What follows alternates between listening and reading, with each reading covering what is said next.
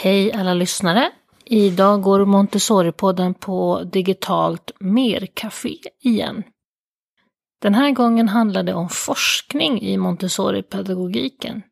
Kerstin Signet är den som håller i introduktionen och hon vill slå ett slag för att vi Montessori-pedagoger vågar forska i vardagen. Hon nämner det här med koncentrationskurvorna till exempel, som man hittar i Montessori-litteraturen.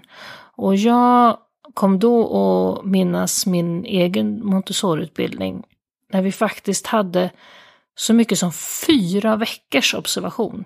Vi hade ju VFU, alltså praktik också, lika mycket om jag vill minnas rätt, men det var fyra veckor där vi satt och observerade barn och ritade koncentrationskurvor.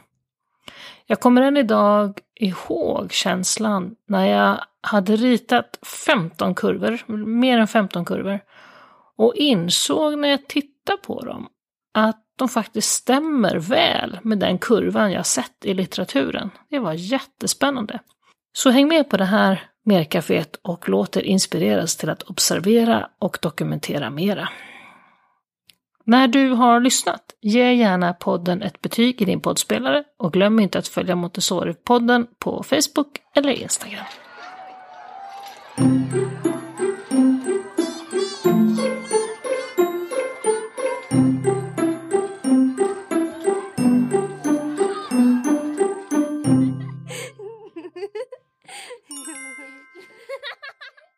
Hjärtligt välkomna och så lämnar jag över ordet till dig Kerstin. Tack så mycket. Och nu sitter jag här vid mitt skrivbord och ni sitter på era platser så vi är lite utspridda. Det är lite spännande att tänka sig att Maria Schacki, hon sitter nere i Rom. Och eh, det mest norrut tror jag är någonstans i Stockholmstrakten denna gången. Men vi är ju alltså utspridda. Idag har vi ett ämne eh, som jag tycker är viktigt för mer. Och det handlar om forskning och det handlar om vår tidskrift. Och jag, nu vet jag inte om alla vet vem jag är, men Kerstin Signert heter jag, är ordförande i MER eh, och har varit med och startat MER en gång i tiden, 2000 eller 2001. Och då var det för att samla oss som höll på med utbildningar på högskolan och jag har arbetat på Göteborgs universitet.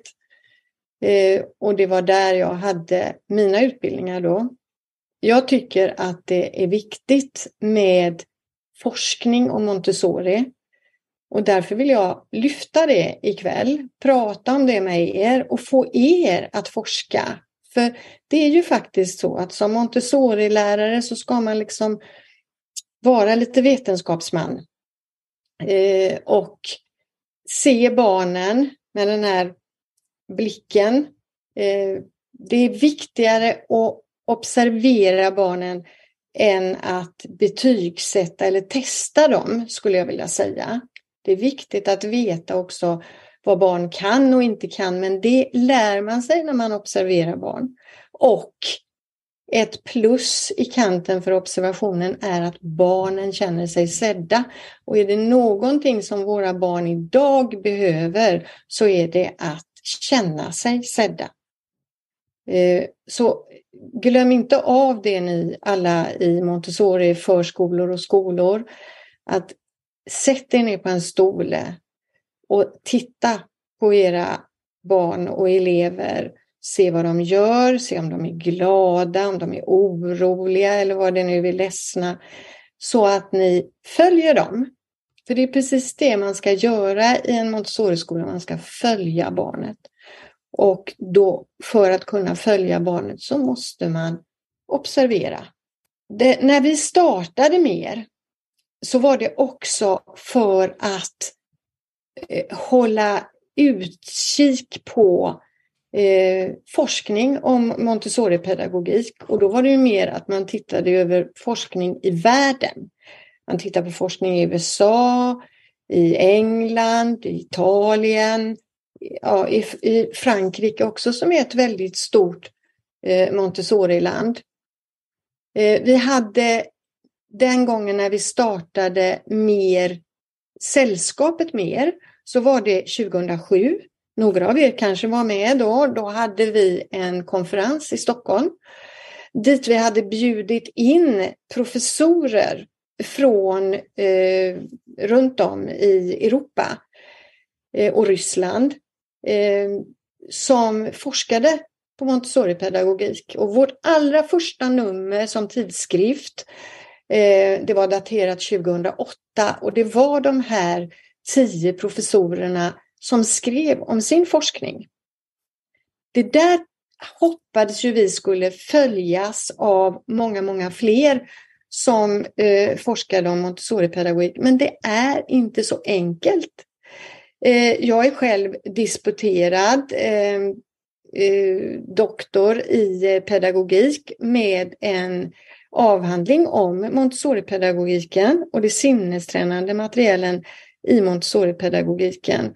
Jag skulle faktiskt liksom vilja slå ett slag för min avhandling som handlar om variationsteorin och Montessori-metoden kan man säga, som är väldigt lika. Och om man läser stycken, ni vet, man, en avhandling behöver man inte läsa från perm till perm utan man tar upp det som man är intresserad av. Om man läser där så kan man liksom förstå, hoppas jag, ännu bättre vad just eh, det viktiga är i lärandet inom Montessori-pedagogiken.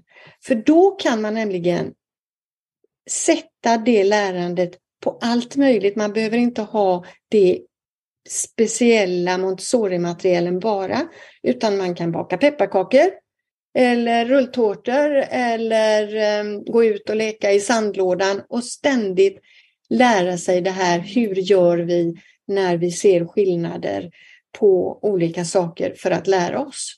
Så gör gärna det. Men det jag skulle vilja prata om idag, det är ju då till exempel hur det här startade med Montessoris egen forskning. Det var ju så allting började, att hon studerade barnen först på sjukhuset där hon var och sedan i Casa de Bambini i San Lorenzo i Rom eh, där hon kunde verkligen sätta sig på en stol och titta på hur de gjorde. Och det där är viktigt för oss alla Montessori-lärare att fortsätta det arbetet. För det första så kom hon fram till att barn hade känsliga perioder. De hade känsligheter för språket. Och nu står det 0 år här, 0 till 13 och det är egentligen inte sant. För att barn utsätts för språket från ungefär femte graviditetsmånaden. Då börjar deras eh, eh, att de tar till sig av språket och känner igen när de kommer utanför magen känner igen mammas röst och kanske pappas röst och de som finns närmast, syskon om det finns och så. Det är där det börjar med språkutvecklingen. Den motoriska träningen eh, den känsliga perioden för ordning. Det handlar ju inte om att lägga ordning i lådor och hyllor och skåp och sånt, utan det handlar om hur, vad man ser runt omkring oss. Alltså ett barn som eh, vill ha en stängd dörr i köket som inte kan uttrycka sig utan kanske bara gnäller över det. Och Jag skulle vilja säga också, nu har vi Helena här också idag, men om man tänker sig ni som har småbarn på, på era avdelningar, de här yngsta barnen som kanske inte kan uttrycka så mycket men som ut, eh, med ord, men som uttrycker det i känslor och med tecken på något sätt. Att bli väldigt observant och lära sig hantera det här. Hur, varför mår barnen som de mår? Och vad gör vi själva i den här miljön för att barnen ska må bra? Det här intresset för detaljer, nästan alla föräldrar blir alldeles fascinerade över deras tvååringar som kan en sån massa saker, som känner igen bilar och som känner igen skyltar på stan och, och vad det nu är. Man ser att det är Coca-Cola och, och McDonalds och allt vad det är. Det där är ju fortfarande så att vi kan faktiskt följa de här känsliga perioderna och se att oj, de, de ser likadana ut som de gjorde när Montessori pratade om dem. Eller, vi kan diskutera det sen. Den sociala träningen, det här att man faktiskt i två och ett halvt, tre och ett halvt års åldern tycker att det är väldigt roligt att träna på jag menar, det är ju då föräldrarna sträcker på sig och tänker åh vad vi har uppfostrat våra barn bra. De säger tack och adjö och väldigt artiga i den där åldern. Och tycker att det är väldigt roligt att träna sig på pandemin har kanske gjort det också, att vi lär barnen hur man hostar i armvecket och eh, vad man nu gör, nyser och så. Och så kommer intresset för bokstäver och siffror, 3-4 års ålder. Och det som är lite spännande då, och som vi ska ta upp lite senare också, det är ju det här att våra barn idag, de möts ju väldigt tidigt av bokstäver och ord.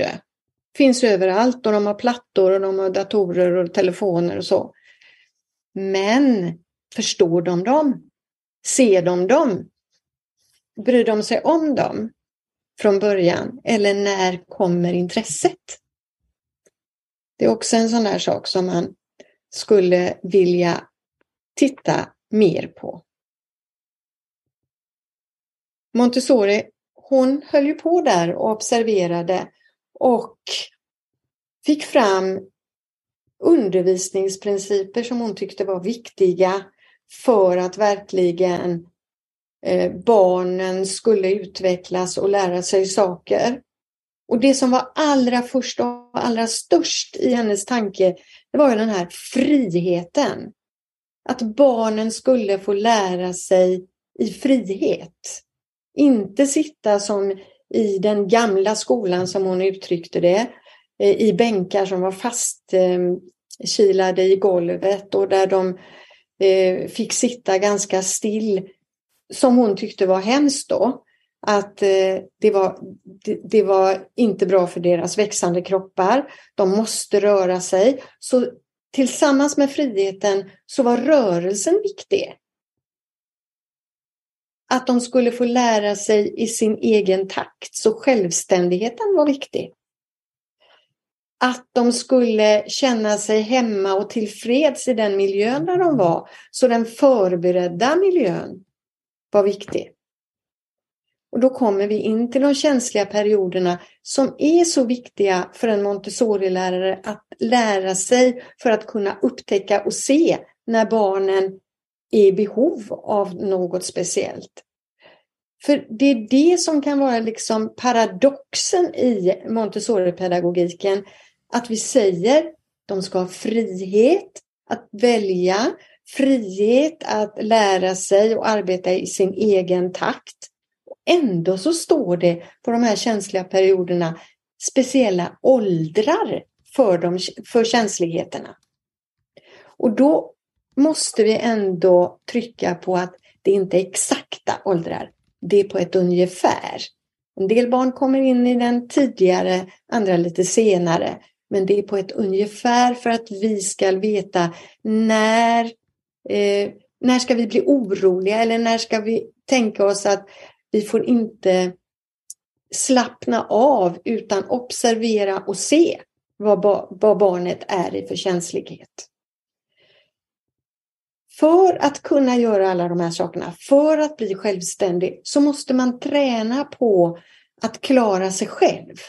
Och då, där, dit hör de här praktiska vardagsövningarna som man då kallar för PVÖ eller praktiska vardagssysslor. Eh, man behöver träna på varje sak och man behöver träna på eh, verktyg eh, som är i barnens storlek, som får plats i barnens lilla hand. För ska de sopa golvet så behöver det vara med en liten sopborste så att det inte tynger hela kroppen utan att de får jobba med rätt muskler och i rätt rörelse. Eh, det vet vi ju själva, vi vuxna, om vi ska gå och träna på gymmet till exempel så behöver vi ju också ha eh, träningsredskap som vi klarar av. För får man en för, för svårt, en för tung hantel till exempel, så, så blir inte det bra för kroppen. Och det är precis samma sak för de här små barnen. De måste få saker som passar till dem och till deras storlek. Och efter allt det här praktiska vardagsarbetet som man behöver tänka ut också, ni vet, man isolerar svårigheten genom att träna på eh, små saker, till exempel eh, finmotorik, men grovmotorik också. Eh, för att sen gå ifrån den här isoleringen och svårigheten och göra det på de riktiga sakerna så att man får stå i köket och diska. Att man får sopa med sopskyffel och, och sopborste. Att man får putsa riktigt, ett riktigt fönster och inte bara vid en liten bricka. Jag handledde ett eh, examensarbete ett magisterarbete eh, om just det här när vi kom fram till att Montessori själv lät barnen mycket mer använda de här riktiga sakerna för att göra så att känna att de verkligen fick vara med. Medan det med tiden, fast vi tror att inte Montessori-pedagogiken har ändrats alls, med tiden har det blivit så att när man kommer in i Montessori-förskolor så står de mesta av PVÖ på brickor på hyllor. För barnen att ta fram, balansera och gå och ställa på ett bord. Men vi, det kan hända att det är väldigt bra, men vi ska också sätta oss ner och tänka så här, varför gör vi på det här viset? Varför gör vi inte det med större saker? Varför låter vi dem inte träna tillräckligt mycket i riktiga vardagsövningar? Kanske för att det lätt blir för stökigt. Det behöver vi öva barnen på. Att hålla ordning runt omkring sig även i det stora. För de ska ju göra det när de kommer hem. De ska ju inte bara klara av brickorna på en hylla på förskolan. Det ska utveckla dem till att bli självständiga individer som vet vad de kan och vad de inte kan. Och så kommer sinnesträningen där som en eh, viktig undervisningsprincip som Montessori tog efter både Itard och Seguin, de här två läkarna som höll på med döva barn och som eh, såg att sinnesträningen var så viktig för all utveckling. Och den får vi inte glömma, varken på de här eh, materialen som vi har i, i eh, Montessori-skolan, men också på eh, det som kan träna sinnena i allting annat som finns runt omkring oss i rummet.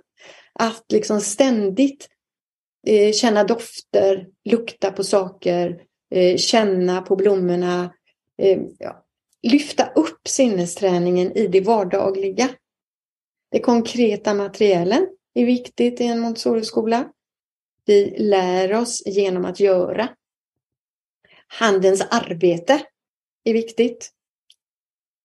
Och allt det här leder egentligen fram till koncentration. Vi tränar barnen på koncentration. Och kanske behöver träna oss själva ibland också i koncentration. Så som eh, världen ser ut. Nu vet ni att när jag pratar här så får ni gärna eh, lägga in frågor i chatten eller undringar i chatten medan jag pratar. Då läser jag av det medan jag pratar och det är ganska bra tycker jag.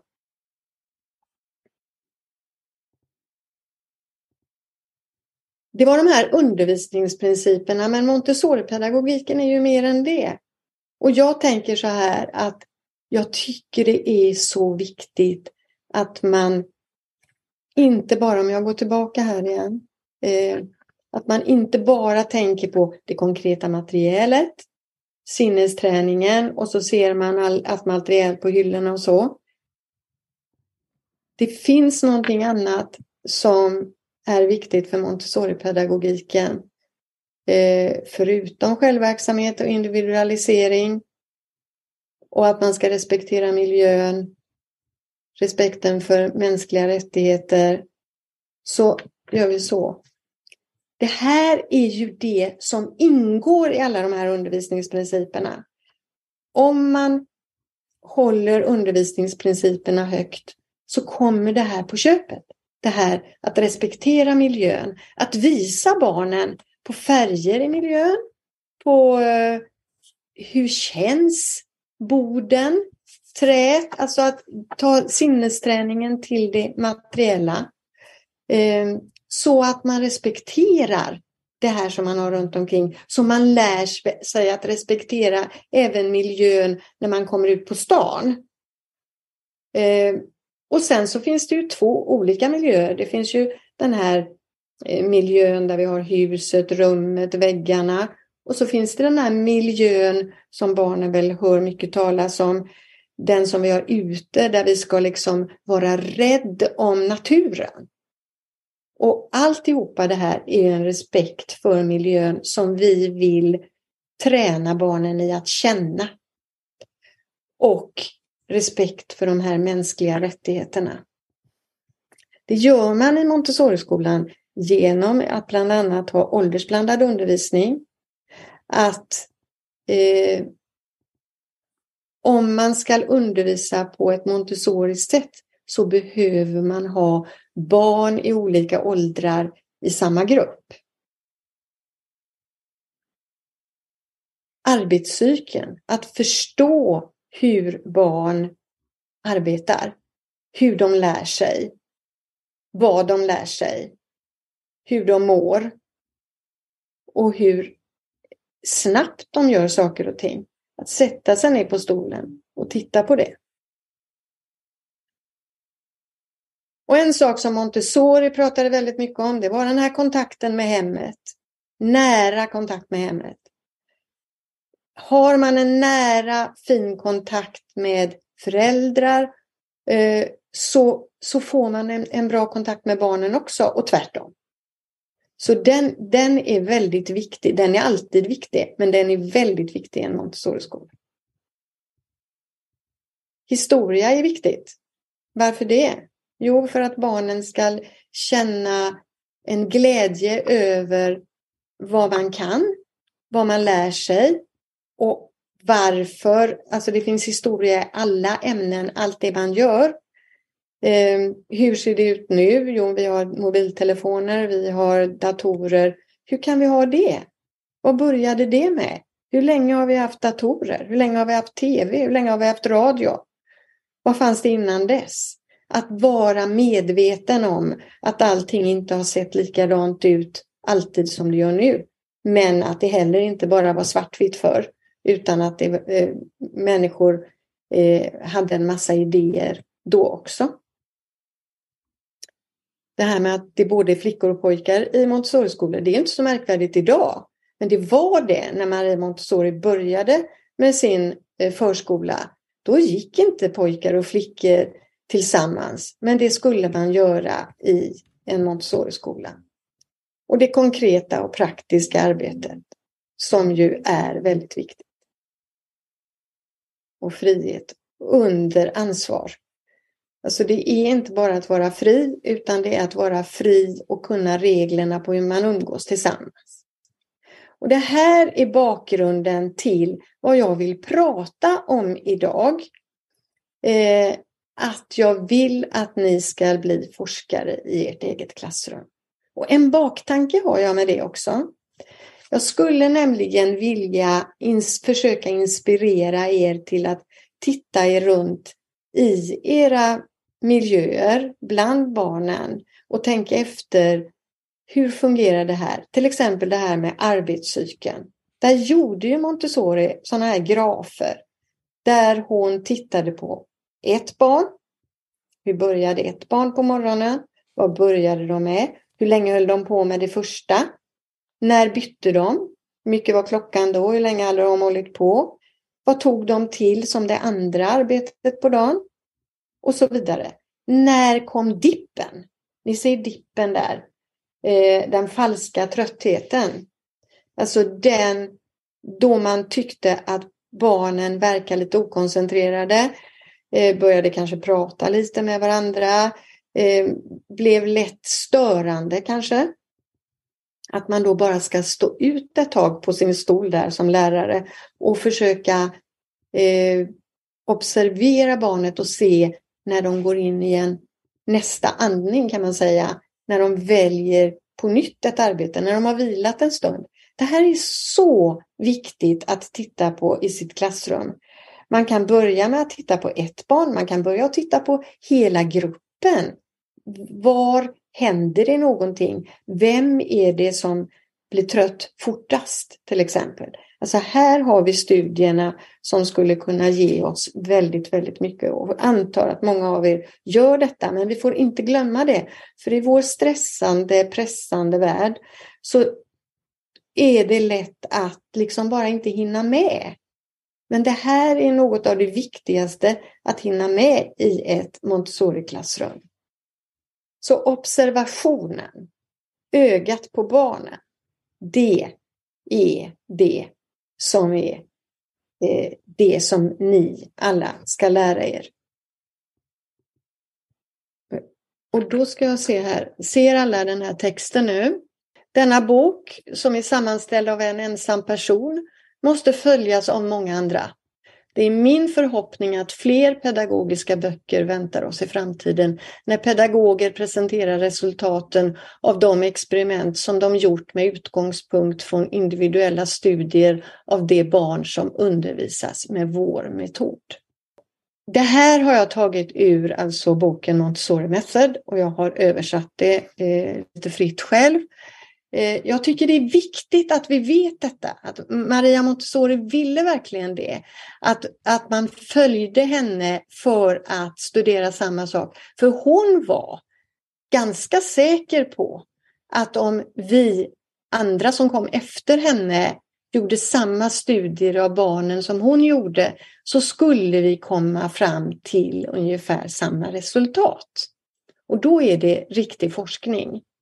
Och det där, det skulle jag ju vilja att, att ni gör. Att ni studerar eh, saker i era klassrum för att verkligen, istället för att känna sig osäker på, fungerar det fortfarande fast vi nu har 2023 när det var så länge sedan Montessori tittade på detta. Nej, men vi kan inte låta det vara bara då, utan då får vi studera det själva. Och det är liksom en mening med detta att jag vill få igång er att studera, att skriva ner era resultat och att sen skicka det till oss i mer för att vi ska kunna använda det i vår tidskrift. Vad säger ni om det? Låter inte det spännande? Och då är det nämligen dags för, eh, nu är nästan klockan halv, så nu är det dags för breakout rooms. Och då är det de här frågorna som jag vill att ni ska ta med er. Finns det någon av Montessoris undervisningsprinciper som ni inte tycker stämmer idag? Vad gör ni då? Det vill jag att ni diskuterar med varandra. Ni kan ju också diskutera det som ni tycker absolut stämmer. Men är det någonting som ni skulle undra över bland de andra i det här rummet nu så ta en liten skärmbild på det här så ni har frågorna med er eller skriv av. Och så går vi in i våra rum. Då går vi vidare. För jag skulle vilja säga att i vår tidskrift eh, eh, detta året så har vi ju eh, tagit in eh, artiklar av eh, Montessori-lärare eller studenter som har skrivit eh, om till exempel Annika och Katarina på Gunghästen nere i Skåne som har skrivit om att vi utbildar för livet, framtiden och ett hållbart samhälle. Att bara göra det, man gör en rolig grej i förskolan, visa upp det, berätta vad man gör, eh, varför ni gör det och, och vad, vad, vad som utvecklade barnen eller vad som, vad, vad som hände i det här. Eh, jag hade två studenter som jag handledde i ett eh, examensarbete som har skrivit om Montessori-pedagogiken. De var intresserade av att veta varför får Montessori så mycket kritik? Och det var inte enkelt för dem innan de liksom kom igång med sitt skrivande. Men det är också en intressant artikel att läsa för er som håller på att eh, jobba i Montessori-skolor. Och Annika Åkerblom som numera är docent men som började som Montessori-lärare och har varit med mer i styrelsen om hur hon började skriva och komma igång. Det är inte så att jag vill att alla ska bli forskare eller forskarutbildare. Jag vill att ni ska vara forskare i ert eget klassrum, lyfta den kunskap ni har och visa upp den för andra så att det inte, inte Montessori blir så konstig. Det är så här att eh, Angeline eh, Lillard, jag tror att hon uttalade så, eh, hon är ju i Amerika, hon är i en släkt, mamma och syster som är Montessori-lärare. Eh, hon har gått i Montessori-skola. Hon var tveksam till det i början men är nu den forskare som har tittat på väldigt mycket olika saker i eh, Montessori-undervisningen. Solange i Schweiz som är Montessori-lärare från början och som nu eh, forskar på hjärnan eh, och som gör väldigt mycket intressanta studier. Vi ska ha henne i mer den 25 april på länk, precis som nu, med Zoom, eh, där hon ska prata om eh, skillnaden mellan barnen i Montessori-skolan som rättar sig själva med självrättande materiel och så eh, mot barn i en traditionell undervisning där man får feedback eller vad man nu ska kalla det från lärarna som berättar när man har gjort fel. Eh, och så är det Rins kanske han heter, jag vet inte riktigt om det är någon som vet hur han uttalar, men han finns i Australien. Och han har gjort, han är med i en massa väldigt intressanta studier där man studerar Montessori-pedagogiken. Eh, och eh, den eh, studie som jag upptäckte honom för, det var en där man har eh, bland vuxna och barn studerat hur det faller sig ut med eh, sandpappersbokstäver. Att det är precis det som Montessori sa, att handen är hjärnans, eh, alltså det står i samband. Och eh, de har alltså då, kan man säga, eh, verkligen eh, sett samma sak som Montessori såg. Eh, och då säger de så här att den här eh, eh, undervisningen kan man ha alltså med äldre elever och vuxna elever i matematik och i språk. Och då säger man också att det här är ju så enkelt. Det är ju faktiskt nästan gratis och det är så bra. Då ska man liksom veta, jag vet inte hur Paul, vad han har för bakgrund i detta. Han är ju forskare och så. Men eh, de andra två är ju komna ur Montessori. Eh, och det är det som jag har upptäckt att eh, Montessori-forskare är oftast eh, Montessori-lärare eller har gått i Montessori-skola och varit intresserade av det från början. Eh, andra forskare som kommer utifrån blir sällan intresserade av Montessori-pedagogik. Så att det är därför som jag tycker det är så viktigt att ni som jobbar praktiskt i förskola och skola, att ni verkligen visar upp vad, vad som händer i det här. Eh, för sen så finns det forskning som tangerar Montessori-pedagogiken. Alltså det finns forskare som gör forskning på saker som de inte har en aning om att Maria Montessori också har tittat på. Och det är till exempel Sissela Nattli som vi hade som föreläsare här på MER eh, under pandemin någon gång. Som har kommit fram till ungefär samma sak som Montessori gjorde med de känsliga perioderna. Och Sissela, vid det tillfället när vi hade henne så gav jag ju henne eh, eh, papper på liksom hur, hur Montessori såg på barns utveckling och behov. Och hon sa liksom att det är precis som vi ser på det nu. Det, det är så up to date. Göran Lundborg, han är professor emeritus är han väl nu, men han är handkirurg och har skrivit flera böcker om handens viktiga arbete. Och där stämmer liksom det som Göran Lundborg skriver om i sina böcker, det skriver Maria Montessori om i sina böcker. Martin Ingvar hade jag själv en kontakt med för eh, ganska länge sedan nu, men ändå. Eh, eh där han pratar om trestegslektionen, hur viktig den är. Eh, och att eh, det är precis det, eh, trestegslektionen är precis det hjärnan behöver för att eh, det är eh, det här eh, repet repeterandet och eh, eh, man kontrollerandet av kunskapen som han menar, den sitter där sen, den kunskapen sitter där.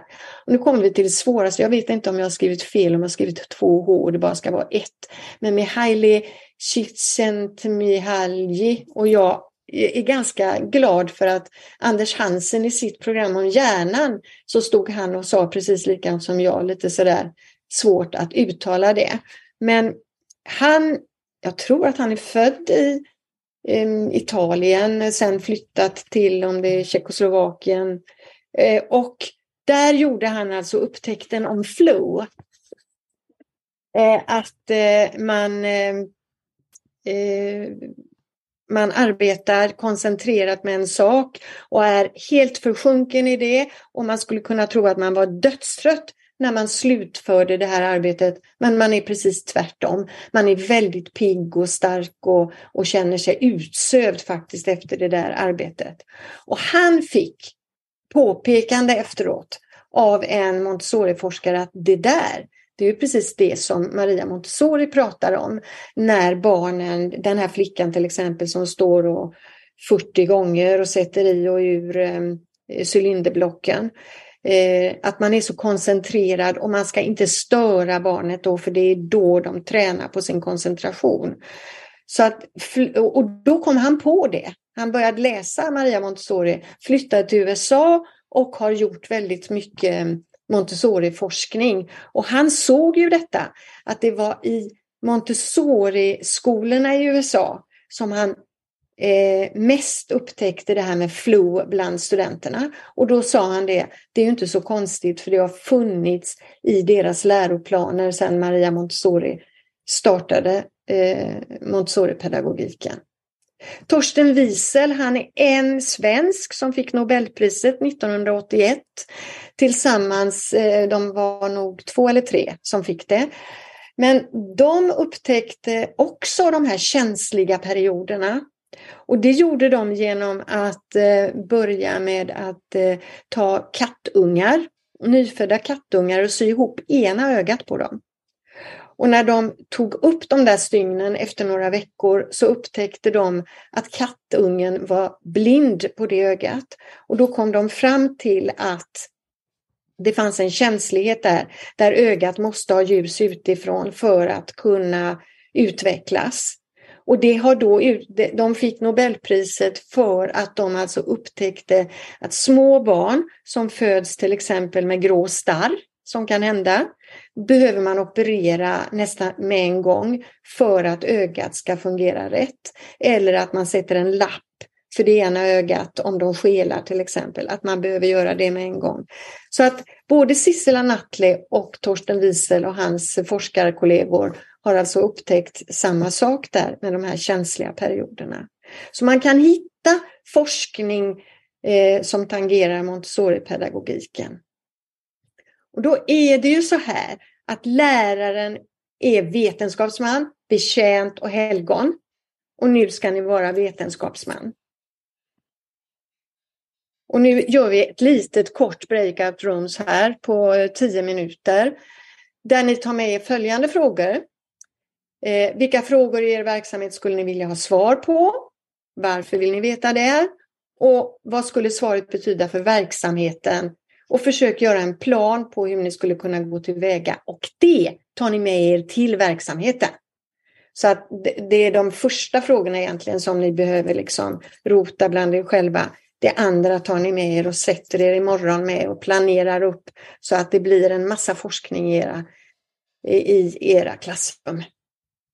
Sätt igång. Ja, välkomna tillbaka igen. Då hoppas jag att ni är redo för att kanske säga någonting om vad ni pratar om denna gången. Vi i, i rum två var vi flera stycken som hade barn 1 till 3 mm. som vi arbetar med. Och, mm. eh, jag lyfte en fråga just det här med när man, när man ser att barnen håller på med någonting väldigt planerat och väldigt i deras ögon väl organiserat. Mm. Och det bara sju, flyger över. Jag har liksom inte en aning. Jag observerar, jag försöker, jag försöker hitta något logiskt. Och så bara, kanske det här eller kanske det där. Eh, då skulle jag vilja så här, få öppna lite och krypa in i huvudet och titta på dem så jag kan bli en ännu bättre medforskare och hänga mm. med liksom, på resan hela vägen. Mm. Um, Hur ska man göra det då? Observera, observera, observera, observera. Och då blir det... Analysera. Mm. Ja, för att jag tänker så här, då, då, blir det den här tysta kunskapen som man har när man jobbar med barn. Alltså, vi känner, vi vet, vi förstår liksom. Mm. Men vi har kanske väldigt svårt egentligen att berätta om vad det egentligen är som har hänt. Mm. Det är det som jag vill försöka väcka hos er nu, att om man ständigt är på tårna för att observera och försöka lära sig vad barnen gör och vad barnen inte gör, mm. Eh, så blir man duktigare själv på vad man håller på med. Mm. Kan då också lättare för andra mm. berätta vad man sysslar med. Så jag, jag, oh, jag önskar så att, att vi liksom kommer igång med verkligen så, liksom att det händer något. Både i våra huvuden och i barnens huvud och i rummet. Ja, om det är någon som liksom blir tänd på detta och vill skriva om liksom wow, eh, det här händer med mig nu. Då kan man skriva något sånt och vad som händer i klassrummet med barnen och med mig själv och sätta in det i vår tidskrift. Mm. Ett fördjupningsarbete kanske? Jag tänker också, man ska göra SKA, alltså systematiskt kvalitetsarbete. Ja. Det är ett av vårt uppdrag och då kan man ju få in någon grej i det här. Precis. Att man följer det över tid och hela gruppen och tillsammans. Mm. Ja, det kan bli hur spännande som helst, vet ni. Det kan ju hända hur mycket som helst. För, för det, det är precis det här jag menar. Jag, jag är Montessori-lärare från början. Jag har jobbat som eh, lärarutbildare. Jag har suttit och, och, skrivit min avhandling och jag har fördjupat mig i Montessori och läser hennes böcker nästan varenda dag. Jag vill få er att lyfta er själva så att ni verkligen förstår det ni jobbar med så att ni kan förklara för andra. Så jag skulle vilja att det tänder till riktigt hos er. Men då så, då vill jag bara hälsa er en fortsatt trevlig kväll. Tack så mycket för ikväll. Tack för att du har lyssnat. Jag heter Maria Schacki och gör Montessori-podden för Montessori förskolor och skolor i Sverige AB. Du kan läsa mer om oss på www.montessorisverige.se. Glöm inte att ge podden ett betyg i din poddspelare.